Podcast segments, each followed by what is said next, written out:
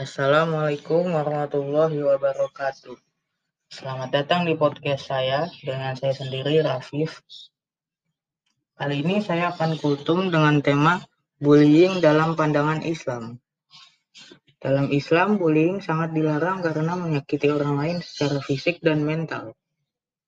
Baik bullying dalam bentuk verbal berupa ejekan yang merendahkan, perbuatan yang menyakiti fisik, ataupun celaan di dunia maya. Allah Subhanahu wa taala berfirman, "Hai orang-orang yang beriman, janganlah sekumpulan orang laki-laki merendahkan kumpulan yang lainnya. Bisa jadi yang ditertawakan itu lebih baik dari mereka. Dan jangan pula suka sekumpulan perempuan merendahkan kumpulan lainnya.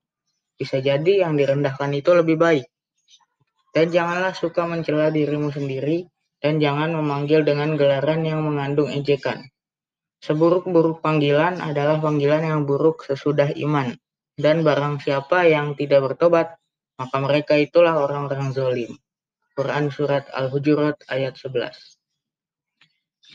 Dari ayat tersebut sudah sangat jelas bahwa kita semua itu memiliki derajat yang sama di hadapan Allah Subhanahu wa taala. Sehingga tidak ada alasan bagi kita untuk merendahkan, melecehkan, menghina atau apa pun bentuknya hanya karena teman kita difabel, cacat secara fisik, keturunan tertentu atau beda warna kulit dan bahasa. Rasulullah Shallallahu Alaihi Wasallam mengingatkan, seorang Muslim adalah saudara bagi Muslim lainnya. Ia tidak boleh menganiayanya, menelantarkannya, mendustakannya, dan menghinanya. Takwa itu bersumber di sini. Rasulullah mengisyaratkan dengan tangan ke arah dadanya tiga kali. Cukuplah seorang itu dianggap jahat bila ia senang menghina saudaranya sesama muslim. Setiap muslim itu haram darahnya, hartanya, dan kehormatannya atas muslim yang lainnya. Hadis riwayat muslim. Kalau sudah jelas-jelas Islam melarang untuk membuli, tentu seorang muslim gak akan jadi pelakunya. Kalau kenyataannya banyak remaja muslim yang suka ngebully, berarti pemahaman agamanya harus diperkuat. Ini tanggung jawab bersama mulai dari orang tua, keluarga, sekolah, dan juga negara.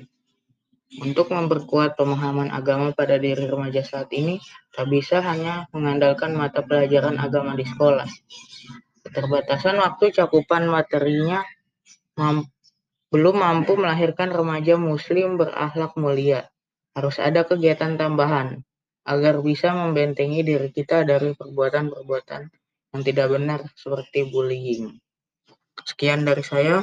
Assalamualaikum warahmatullahi wabarakatuh.